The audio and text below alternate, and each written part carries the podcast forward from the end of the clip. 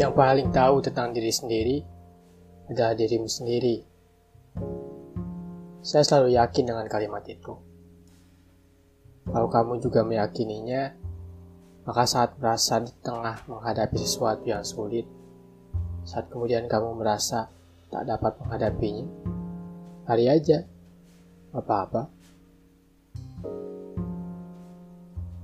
Apa-apa, karena kamulah yang paling tahu tentang dirimu sendiri. Yang paling tahu ambang batasmu ada di mana.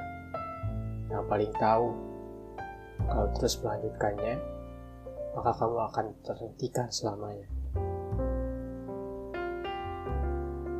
Jangan mengambil risiko sebesar itu. Kalau bisa lari, kalau bisa menghindar, kenapa enggak? Apalagi dengan keadaan kamu yang amat tahu, kalau tetap melanjutkan semuanya, kamulah yang nantinya akan tersuruh ke tanah.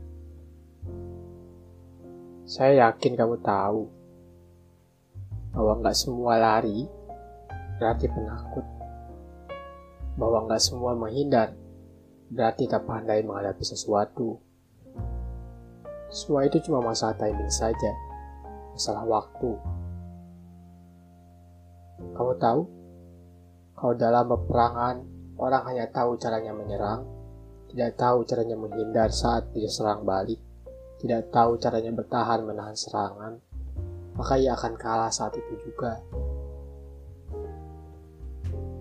Kalau dalam perang ada pasukan yang kalah jumlah, kalah amunisi, kalah semangat berperangnya, tapi tetap ngotot untuk terus menyerang, bukankah itu bunuh diri namanya?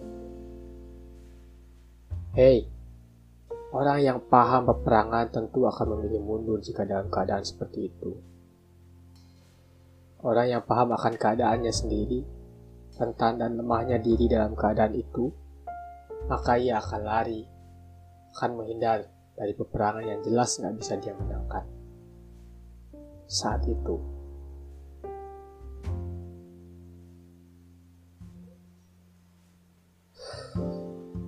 ya, saat itu. Kalau saat kamu lari, dan saat itu juga merasa telah kalah, ya nggak apa-apa. Tapi kamu kalah cuma saat itu. Dan alasan kenapa kita lari adalah agar tak merasakan kalah lagi. Agar bisa merancang lagi strategi, kumpulkan amunisi. Saat kemudian akhirnya semua sudah siap, kepercayaan dirimu sudah bermekaran. Teman-temanmu makin banyak yang menyertai, saatnya menghadapi peperangan itu kembali. Jadi, kalau suatu hari kamu merasa jatuh sekali, merasa lelah dengan semua masalah yang terasa susah, merasa diri sudah berada di ambang batasnya, berhentilah, rehatlah, larilah. Kemudian kamu dapat menarik napas secara tenang, rencanakan sesuatu dengan matang, baru kemudian hadapi lagi masa itu dengan dada yang lapang.